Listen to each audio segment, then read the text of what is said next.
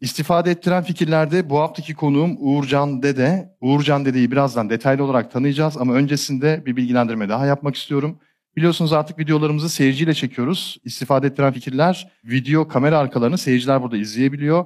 Konuğumuza soru sorabiliyor. Siz de buraya seyirci olarak katılabiliyorsunuz. Bunun için yapmanız gereken aşağıda bir biletix linki var. Ona tıklayarak e, seyirci biletlerini almanız gerekiyor. Katılabilirsiniz. Hoş geldin Uğurcan. Merhabalar, hoş bulduk Merhabalar. tekrardan. Ee, bayağı önce başvurmuşsun bize. Ne, Evet. ne yazdığını yani yazdığın mesajın içeriğinde hatırlamıyorum dedin. Ya şöyle ben böyle denk gelebileceğini çok fazla düşünmüyordum. Belki denk gelir gibisinden başvurmuştum o zamanlar. Şimdi diyor ki burada eşimden 3 yıl önce ayrıldım. Ee, her ay 3200 TL. Eşimden öyle bir şey yok. Tam yer değil. tamam tamam okuyorum. Amazon'da 3 yıldır satış yapıyorum. evet, Doğru mu? doğru. Avrupa'da satışa başladım. 2 günde 3200 euroluk bir satış yaptım. Satışlarım gerçekleştikten sonra bir hafta sonra hesabım kapandı. Amazon hesabımı Evet. kapattı. Ve bir yıl boyunca hesabımı açmak için birçok şey denedim. Sonra hiç kimsenin girmeyeceği bir kategoride aktif satış yapıyorum. Kanada, Amerika, Avustralya. Toplam 30 bin dolar cirom mevcut. Kripto parayla uğraşıyorum. 3 yıldır da. BMW 535. Duruyor mu araç hala? Duruyor. Benzinli miydi o? Benzinli. Çok yakın. 3000 model.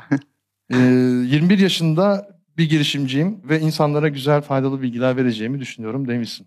Amacım da buraya katılış amacım yani belki insanlara bir şeyler katabilirim tarzında. Çünkü insanlar suspend konusunda bence bir tık tedirgin ve kimse ne yapacağını bilmiyor gibisinden düşündüğüm için başvurmuştum. Amazon'a ilk 3 yıl önce başladığımda daha doğrusu ilk kriptoyla e, e, kriptodan mı başlayayım yoksa? Bir dakika şimdi ticarete başladığında Amazon vesaire yoktu kripto ile başladın. Kesinlikle ben kripto ile uğraşıyordum ilk başta. Na- nasıl ne yapıyordun Ee, şöyle bizim o zamanlar yani yaklaşık 3 yıl olması lazım. Ethereum falan o yani coinler çok düşük miktarlardaydı. Ben o zamanlar 2000 lira gibi bir rakamım 250-300 dolar civarında bir rakama tekabül ediyordu. O 250-300 dolarla işte Ethereum'dur, Bitcoin'dir, alsat yapıyorduk. Fakat elimizdeki bakiye çok düşük olduğu için yani kazançları çok düşüktü. Ben o zamanlar tabii ki de 18-19 yaşındayız. Hani 3-5 dolar geliyor 50 lira 60 lira falan güzel para kazanıyoruz falan tarzında düşünüyordum ama işte işin içine biraz girince girince orada bir belli bir süre sonra işte kaldıraç işlemlerle öğrendik artık. Kaldıraç işlemleri öğrendik. Eyvallah. Ee, normal analizleri analizleri öğrendik. Fakat yani bu işin şu anda analiz analiz tamamen hikaye genel olarak. İşte kaldıraçlı işlemlere başladığımızda ilk başta biliyorsunuz kripto camiasını çok fazla etkileyen global haberler ya da insanlar, ünlü insanlar, kişiler çok fazla etkili etkisinde. Yani bir kalıyor. tweet atıyor mesela birisi. Kesinlikle. Hemen herkes onu Biz onun alıyor. ilk tweetinde güzel bir para Sonra kazandık. patlıyor. Aynen. Ben ilk tweetinde o Dogecoin'de long açmıştım. Long Bir- açmak ne demek hani bilmeyenler için? kaldırıcı ka- kendi bakiyemi yüksek bir miktarda kullanıp bu coin artacak diye Yani fiyatı artacak. kesinlikle bu coin'in fiyatı artacak diye işlem açıyorum. Ben 71 dolar bir bakiyem var. Ondan çarpınca 700 dolarla işlem açmış gibi oluyorum. Yani 1 TL'lik bir şeyi 700 TL gibi almış gibi. O 2 TL artınca 1400 TL kazanıyorum otomatik olarak. Bu mantıkla 10x kaldıraçla bir işlem açtım. Oradan 1200 dolar civarı bir para alıp çıkmıştım o tweette. O esnada çünkü 2x civarında bir artış gerçekleşmişti. Düşseydin olacak bütün para gidecekti o zaman. Göze aldık artık çünkü riskleri kesinlikle umursamıyoruz. Yani gelen olduktan sonra giden o kadar olsun diyoruz mecburen. Çünkü zaten yaşımız genç. Hadi bir şeyler girişiriz belki o girişmemizden bir şeyler kazanırız gibi düşündüğümüz için oradan işte yani bunun tabii ki de risk şeyi yüksek tabii ki bir de stresi de çok yüksek. Onun dışında oradan Ethereum'a zamanında bir long açmıştık. Oradan 23 bin dolar civarında bir PNL'le çıkmıştım. O PNL'lerin hepsi duruyor bu arada. Kanıtlarını getirdim hepsini. Yok ya ben çok kriptoya e, yönlendirmek istemem insanları. Çünkü Kesinlikle. aşırı derecede bana mantıksız geliyor. Çok mantıksız. Her ne kadar ben de Hı. bu işin içinde olsam da ufak bir yatırımla. Şu an girenler için mantıksız. Ben o zamanlar realize kesinlikle şart bu işte. Yani Evet. kar aldıysan realize edeceksin. Evet. Ben o zamanlar o arabayı o realize etmek amacıyla aldım. Çünkü günde 30-40 bin lira o civarlar likit de olabiliyorsun yani. Ha, Çok- kriptoda kazandığın o 23 bin dolarla BMW 535 aldım. kesinlikle yani 23 bin dolar değil bu arada. 53 bin dolar civarında bir bakiye kadar çıktı. Yani arkadaşlarım falan hepsi onları da başlattım. O, civa- o civarlarda bir bakiye çıktım. Ondan sonra realize etmek gerekti. Bir şeyler almamız gerekti ki o rakamları çıktıktan sonra o kadar da kaybediyorduk. Yani bir günde mesela bir akşam uyumuyorsun tabii o uyku girmiyor gözüne ama bir an mesela gözünü kapatıp açtığında 5 bin dolar 6 bin dolar gibi rakamlar gidebiliyordu. Biz de dedik yenisini bir realize edelim çünkü bu işin sürdürülebilirliği kesinlikle yok. Ben o zamanlar e-ticaret kısmına çok fazla yönelmiştim. Bir şekilde bir hesap açılışını ve şirket kurulumlarıyla ilgileniyordum bir anda. Çünkü çok fazla merakım vardı o, o tarafa. Ondan sonra Amazon'la tanıştım. Yani dolar zaten dolarla işlem açtığım için dolar kazanmak tabii ki de cazip geliyor insana. Amazon'la ilk tanışmam arkadaşım vasıtasıyla oldu. Hangi yıldır? Ama yani 3 yıl önce demişsin. Ee, 2019 mu? O civarlar sanırım. Tam olarak şeyleri hatırlamıyorum ama tarihleri. Ya bu Amazon'un böyle Türkiye'de duyulmaya başladı, popüler olduğu Kesinlikle, dönemler. Kesinlikle. dönemler, Evet. Ben o dönemde mesela satış yapamadım çok fazla. Yani o dönemde hesabımı açtım. E, hesabımı açtıktan sonra bizim İzmir'de halihazırda bir firmamız var. O firmada biz ofis malzemeleri, işte fotokopi makineleri tarzında e, o kiralama servis işlemi yapıyoruz. Ben fakat çalışmıyorum yani birlikte çalışmıyoruz şey olmadığı için. Ondan sonra o kategoriden birazcık ilerleyeyim dedim. Belki bu kategoride bir şeyler çıkar karşıma.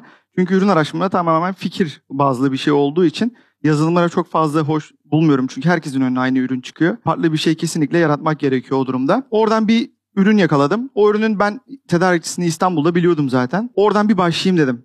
Ben o- tabii o zamanlar çok acemi olduğum için hani herkes şey düşünüyor. O çok güzel, ürünün karı çok güzel. Gireceğim, satacağım, alacağım, parayı çıkacağım tarzında bir şey düşünüyor. Fakat kesinlikle öyle ilerlemiyor. Yani biz ilk marka şeyine başladığımızda ben burada bir sistem oluşturdum. Avrupa'ya sattığım için Almanya'ya satıyordum. Almanya'ya FBM gönderiyordum. Orada bir şirketim olmadığı için. Ve watt kaydı oluşturmak orada zamanımı alırdı büyük ihtimalle. Hiç zaman kaybı yapmadan ben FPM çünkü benim karı zaten kurtarıyordu her türlü bir şekilde. FPM olarak göndereyim dedim. Faturayı da invoice yapıp müşteriye faturasıyla birlikte gönderiyordum ürünü. Öyle bir başladım. Bir markanın 7 varyasyonunu listeledim. 7 farklı kategorideki, kategorideki ürününü listeledim daha doğrusu. O markadan beklediğim satışı almadım. Markadan da bir problem çıkmadı. O markanın kategorisini açtırmak için de uğraştım tabii buradaki işte fotoğraf motora onlarla uğraştım o markanın kategorisini açtırmak için de. Açıldı fakat oradan istediğim tatmin edebileceğim satışı almadım. Yani günde 3-5 satış geliyordu. Sonra tek bir ürün vardı. O ürün de bende vardı. Çünkü biliyordum o üründe Kategorisi neydi? ofis malzemeleri. Hı hı. Ofis malzemeleri kategorisinde. O ürünün de ben bizde olduğunu biliyordum. Ben elimde belli bir miktar para kalmıştı. O parayla dedim ki ürün çekeyim. O parayla ürün çektim. Buradaki tedarikçiyle anlaştım. Abi dedim işte bana bir belli bir süre ver. Ben bu sürede işte bu ödemesini yaparım. Kargocuya anlaştım. İşte gün içerisinde verdiğim siparişler sana gelecek abi. Oradan sen kargolamasını, barkodlamasını yaparsın. Buradan müşteriye direkt çıkarsın ürünü. O tarz bir şey zincir oluşturduktan sonra günde o satışı açtım. Satışı açar açmaz zaten 52 sipariş geldi bir günde. 52 sipariş geldi. Ürün fiyatı da 100 euro. Ya pardon. Yani Amazon kesintileriyle falan. Herhangi bir pazarlama çalışması yapmadın ama değil mi? Yok ürün zaten arbitraj ürünü. Harbi. Yani ürünün fiyatı o zamanlar 59.99 civarında satıyorduk. Ondan sonra 52 satış geldi. Yaklaşık bütün buradaki işte şeyle birlikte bizim kar marjıyla falan filan. Neyse o ürünü çıktım ben. E, 52 ürün siparişini verdim. Kargocuya gönderdik. Ürünleri tabii hepsinin parasını ilk başta verdim. Benim cebimde belli bir miktar para vardı. Onları verdim. Parasını verdikten sonra bütün ürünleri çıktık. İkinci gün trademark yedim. O diğer kategoride listelediğim üründen trademark yedim. Trademark yedikten sonra da Yani hesap kapandı. Kesinlikle. Avrupa'da direkt hesabı kapatıyorlar. Yani kesinlikle işte bu bir uyarıdır. İkinci trademarkını da kapatırız ya da bu şikayet böyledir. Mesela Kanada'da öyle yapmıyorlar. Kanada'da bir kere uyarı yapıyorlar. İkinci de diyorlar ki senin hesabını kapatırız. Yani bir daha böyle şeyi yapma ya da bize bunu açıkla diyorlar. Her ne kadar açıklasan bile o 180 gün boyunca o uyarı gitmiyor senden. Yani o şikayeti bir daha yersen E Peki bunu bilerek neden o zaman Almanya ile başladın? e, bilmiyordum. Bilmiyordum. Aynen. Avrupa'da bu kadar sert olduğunu, bu kadar katı olduğunu bilmiyordum. Bir de benim hesabım yeniydi. Hani millet, o diğer satıcılar. Ben bunun şikayetini de markadan yemedim bu arada. Farklı bir satıcıdan yedim.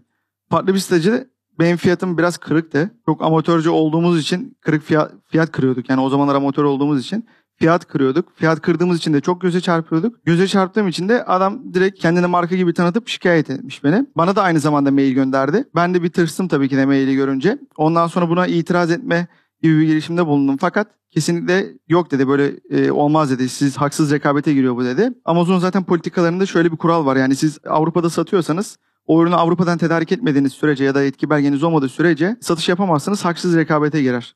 Türkiye'de Avrupa Birliği'nde olmadığı için otomatikman bir sıkıntı yaşanıyordu. Ben faturalar gönderiyordum Türkiye'den işte tedarikçisinden aldık bir problem yok tarzında. Fakat kesinlikle kabul olmuyordu faturalar. Yani diyordu ki bize orijinal fatura gönderin ya da yetki belgenizi gönderin diyordu. Peki ne oldu da hesap açıldı ve 30 bin dolara ulaştın? Şöyle ben çoğu danışmanlık firmasıyla görüştüm. Oraya da çok para verdim. Ee, bazı bir tane danışmanlık firması benim hesabımdan ben tabii o sıralar April'larda gönderiyorum. Yani kendim April hazırlıyorum 200 sayfalarca. Böyle gerçekten profesyonel April'lar hazırlıyordum. Hani faturayla, fotoğraflarla, her şeyle destekleyici bir şekilde hazırlıyordum. Fakat kesinlikle kabul etmiyorlardı. Adamların istedikleri tek şey letter of authorization yani yetki belgesi. Başka hiçbir şey değildi. Onun dışında bir danışmanlık firmasına vermiştim hesabımı. Danışmanlık firması işte Amazon'a şey yazmış. Benim hesabımı kapattınız pandemi döneminde. Kendimi öldüreceğim sizin yüzünüzden. Kendimi asacağım. İşte eşim, eşim çocuklarım beni terk etti. Allah Allah. Evet kesinlikle. E ben şok oldum. 3 yıldır evliyim falan diyorum ya. ben gerçekten şok oldum öyle yolu görünce. Dedim Allah ciddi Allah. misiniz? Ben hesabı verdim güvenerek. Böyle adı sayılır bir danışmanlık Bir firması dakika, bir de. Amazon ne demiş öyle deyince? Amazon direkt bana gönderdiği şeydi bir daha bu hesabından gelen maile kesinlikle bakmayacağız. Lütfen bir daha mail atmayın. Bu hesabınız açılmayacaktır. Nihai kararımız budur diye. Benim tabii Öyle yani demiş yani sana. Ben tabii yani ya dedim bari hesap açılsa satış yapsak. Allah. Hesabımız açılmıyor. Paramız içeride kaldı. Ben tabii yani bir şey kesinlikle imkansız değildir yani bu insan yaratılışı bir şey sonuç olarak. O yapıyorsa ben de yaparım düşüncesiyle çabaladım çabaladım çabaladım. En sonunda bir yıl geçtikten sonra ben bu tekrar mail göndermek istedim bu firmaya. Bir dakika bu danışmanlık firması hepimizin bildiği bir firma bu arada ben kafam orada da çalışmayalım o firmayla çünkü. Ya biliyordur büyük ihtimalle herkes ama böyle çok şey. O arkadaş ondan sonra işten çıkmış herhalde bilmiyorum. Ondan O sonra ben kişiyle alakalı bir şey o zaman. kişiyle alakalı olabilir. Kafam Oranın suspendçisi herhalde yani. Hmm. Suspend'le ilgilenen kişisi olduğu için 250 dolar göndermiştim. 250 dolar yazmıştı APL'ı bunu gönderin demişti. Ben dedim dalga geçiyorsunuz herhalde bir kavga etmiştim orada Kim adı ne? tartışmıştık. Merak ettim ya söylemiş. Ya çok yok ya şimdi mi? Söylemeyelim. Çıkışta tabii ama.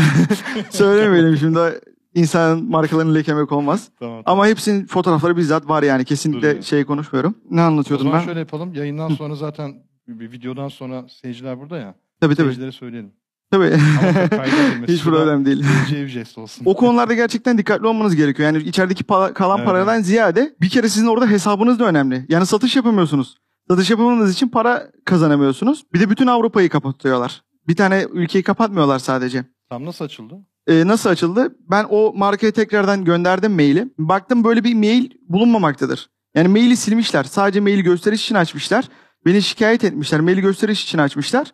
Ondan sonra böyle bir mail yok. Ben bu sefer Amazon'a şöyle bir mail yazdım. Metin Apple yazdım daha doğrusu. İşte dedim beni şikayet eden firma sahte bir firmadır. Bir senedir çok mağdur kaldık bu durumdan. Bunun sizinle ilgilen bu gibi olaylara sizin ilgilenmeniz gerekiyor. Yani biz burada satışımızı yapan bir firmayız.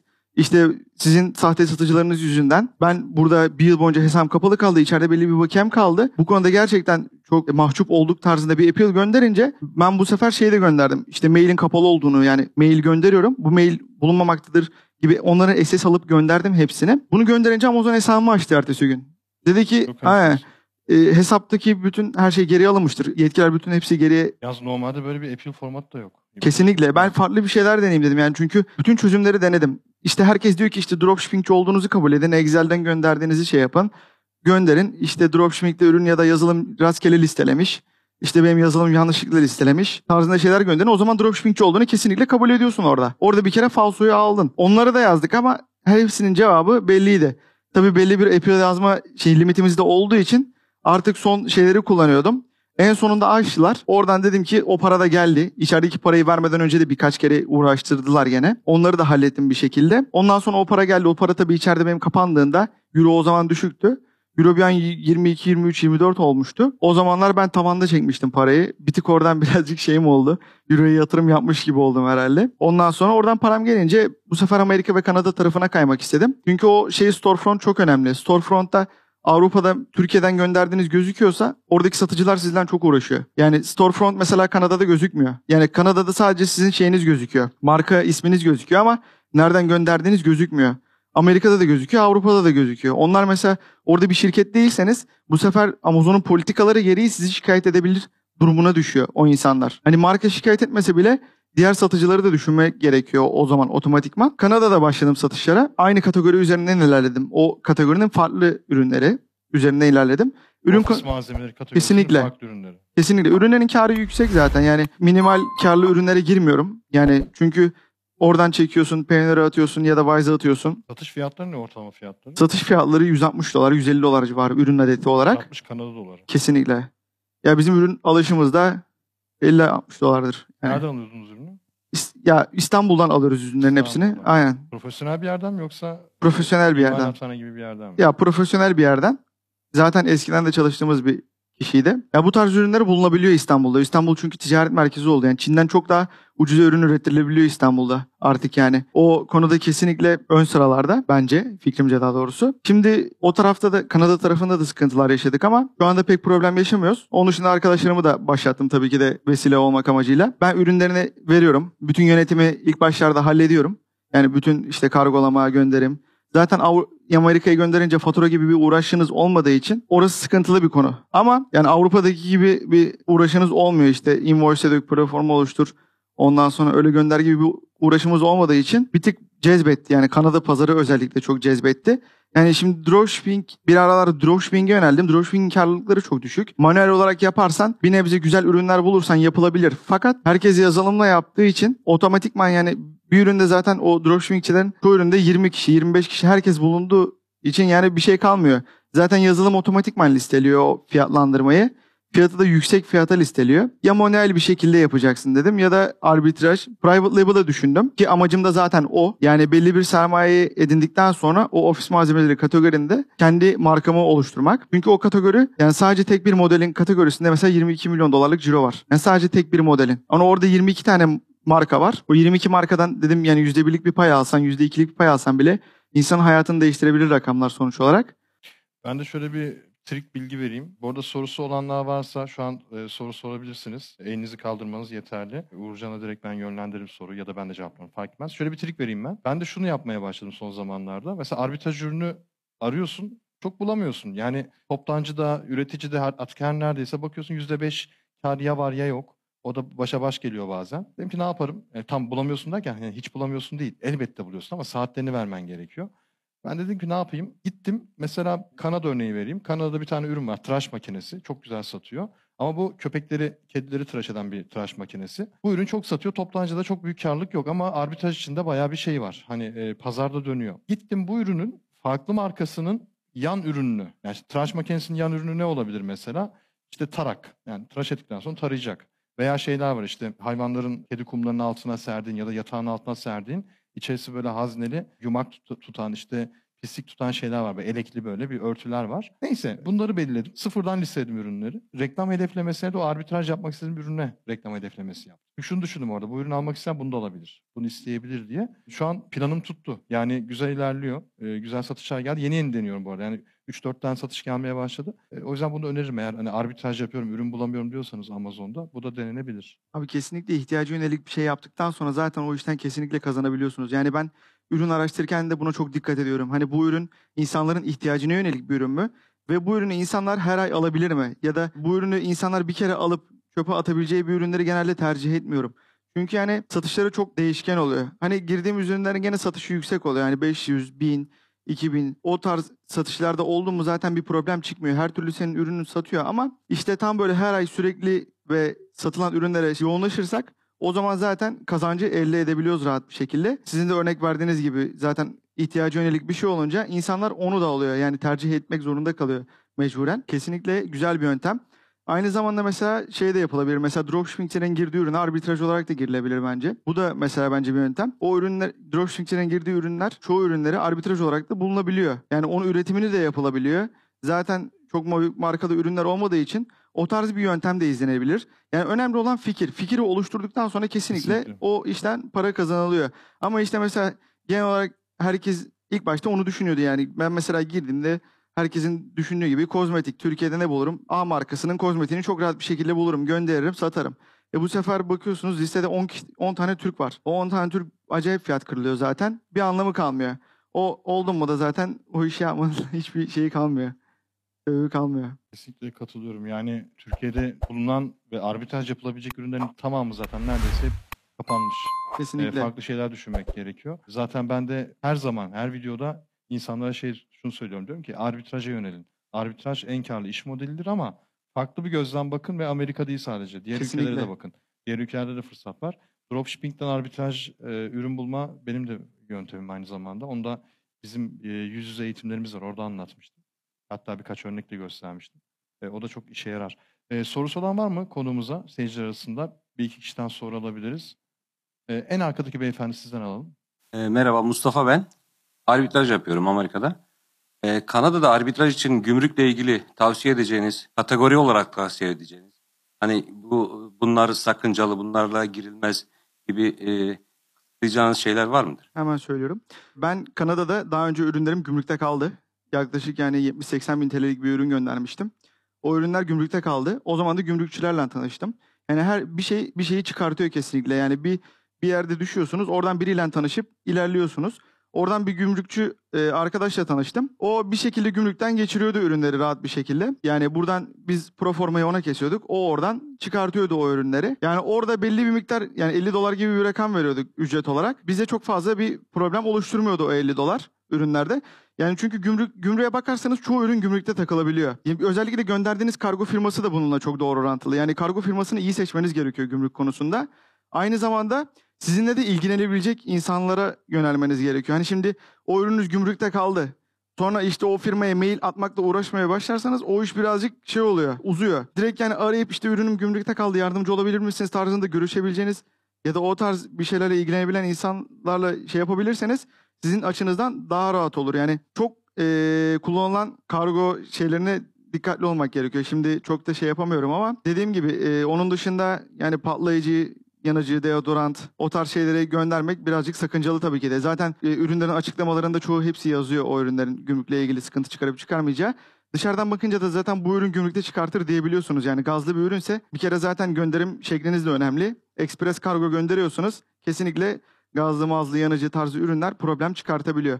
Ama illa ki ben göndereceğim diyorsanız bir tane gümrükçü araya sokup bir şeyler ayarlayabilirsiniz. Yani öyle yöntemler de var illa ki. Hani e, Kanada gümrüğünde herhangi bir e, gazlı zaten hepsi, yani o Amerika'da da var mesela. Kesinlikle. E, hepsinde var da. Ben Tüger Bey'den de bu sorudan cevap almak istiyorum. Hani Meksika ve Ana- Kanada depolarına gönderirken e, neye dikkat etmemiz gerekir? Meksika ve Kanada ürün gönderirken öncelikle gümrükçüyle çalışın. Gümrükçü olmadan iş yapmayın. Malı olduğu gibi lojistik firmasına bırakmayın. Ya taşıyıcıya bırakmayın. Bir gümrükçüye e, çalışın ondan sonra sevkiyatı yapın. Çünkü bazen sevkinde problem olmayan ürünler dahi problem ola- olabiliyor. Hiç belli olmuyor. Ya ben bir örnek vereyim. Gıda ürünleri genellikle çok büyük problemler çıkartmıyordu küçük adetliler. Ama bir seferinde çok büyük problem çıktı. Yani bu lokumun üzerindeki pudra şekerini narkotik işte şey yapmış. Bu farklı bir şey olur olabilir diye analize götürmüş vesaire. Başımız bayağı ağrımıştı. Ama bir gümrükçü olsaydı mesela evrakları önceden hazırlayan birisi olsaydı, bütün işlerimiz lojistiğin gerçekleşmesinden önce yapılmış olsaydı başımız hiç ağrımayacaktı. O yüzden kategori gözetmeksizin bence önce bir gümrükçüye danışın. Ondan sonra o işi yapın. Mümkünse danışmanlık alın, gümrük danışmanlığı. Gümrük danışmanlığı veren, e, uygun fiyata veren firmalar da var bu işi yoğun yapacaksanız. Onu öneririm. E, Ama tabii arkadaşımızın söylediği gibi o gazlı ürünler, işte patlayabilecek olan ürünler, içinde pil olan ürünler, e, Tamam, bat- mesela olan ürünler. Sözünüzü kestim. Benim e, 12 koli gönderdim bu hafta mesela. Devamlı gönderdiğim bir üründü. Muhtemelen iki tane koli gümrükte takıldı bu hafta. 12 kolinin iki tanesi. Şimdi normalde üstünde deodorant yazıyor ama deodorantla alakası yok. Roll-on yani. Altı Hmm. ondan takılmıştır. İnceleme için ayırmışlardır o zaman. Deodorant yazıyorsa üzerinde. Ne deodorant yazıyor. Tabii. Muhtemelen açıp inceleme- bakacaklar tekrar çıkacak gümrükten ama Ama boşu boşuna bir 15-20 gün kayıp olacak sizin için. yani öyle yani bir 3-4 gündür bekliyor mesela orada. Ya çok büyük rakamlar değil yani. Bir gümrükçüyle anlaşıp ondan danışmanlık alsanız harika olur. Bunu yapan firmalar hatta bireyler bile var. Gümrük e, müşavirleri var. Yani ben onu öneririm. Sizin için büyük bir kayıp olmaz. A- aksine bir kazanç olur. Teşekkür ederim. Ben teşekkür ederim. Teşekkür ederim Uğurcan Bey. Ayağınıza sağlık. Gerçekten çok da istifade ettik Çok bence. Ee, Çok teşekkürler. Bilginiz yani 21 yaşında olmana rağmen yani bu derecede bir bilgi sahibi olmak kadar olayları atlatıp bir de tabii cesaret de var. Yani yaşın küçük olmasından kaynaklı bir e, enteresan bir cesaret de var bu kripto olayından dolayı söylüyorum ki bu arada kesinlikle kripto için e, kimseye yönlendirme yapmıyorum. Yatırım Önermiyorum da çünkü kripto gerçekten çok büyük problem şu sıralar özellikle. Ha belki senin yaptığın dönemlerde çok mantıklıydı ama şu dönemlerde inanılmaz riskli. Direkt kumar. Ama geçmişte böyle değildi. E, ama tabii şeyler de var. Bu YouTube'da ben bazen takip ediyorum. Bazı kripto para uzmanları var. Yayınlar yapıyorlar. E, şimdi ismini hatırlayamadım. E, bir dahakini hatırlarsam söylerim bir yer bahsi geçerse. Analiz yapan insanlar var. İşte daha farklı yaklaşan insanlar var. Ha, öyle yaklaştığın zaman zaten o da bir iş sonuçta. O da mantıklı olur tabii ki. Ama balıklama daldığın zaman ki birçok kişi öyle yapıyor ki geçmişte bence siz de öyle yaptınız. Kesinlikle. E, çünkü o kadar para e, analizle vesaire kazanılmaz. Tamamen şans olmuş. Balıklama atlamışsınız. Kesinlikle yani. canım. Ya o o konuda kesinlikle şey. Şu anda kriptonun e, yapılma yapılamamasının belli başlı nedenleri var. Şu anda insanlar çok fazla e, hakim olabiliyor yani. Bazı coinlerin karakteristikleri var e, ya da balinaları var. O onları mesela acayip derecede pumplayıp bir anda bütün hepsini senin üstüne yıkabiliyor. Yani bunlar şu anda çok fazla olduğu için ve dünya borsası yani genel olarak bir sıkıntı olduğu için üstünde oynama çok rahat yapılabiliyor. Ondan yani parayı %50 %50 riske atmaya hiç gerek yok. Ya kayıp ya kazanç diye. Kesin. Ticaret en güzeli. Her Kesinlikle ticaret bence de daha güzeli. Yatırım amaçlı atıp unutacağınız bir rakamı yapabilirsiniz ama kesinlikle tavsiye edilmiyor. Yani yatırım tavsiyesi değildir diyeyim hatta. Evet. Yayından sonra Uğurcan'a sorularınız varsa sorabilirsiniz bu arada. Kendisi burada olacak. İzleyicilerimiz de buraya seyirci olarak katılmak istiyorlarsa ve konuklarımıza e, yakın olmak, onlara soru sormak istiyorlarsa aşağıda bir linkimiz var Biletix. Oradan e, bilet alıp katılabilirler. Ve yine siz de buraya e, Uğurcan gibi konuk olabilirsiniz. Konuk olmak için bize hikayenizi yazmanız gerekiyor. Onun için yine aşağıda bir formumuz, bir linkimiz var. Onu doldurup bize ulaştırın. E, Uğurcan da öyle yaptı sonuçta. Her ne kadar doldurduğu zaman hatırlamasa da. çok teşekkürler izlediğiniz için. Kendinize çok iyi bakın. Hoşçakalın.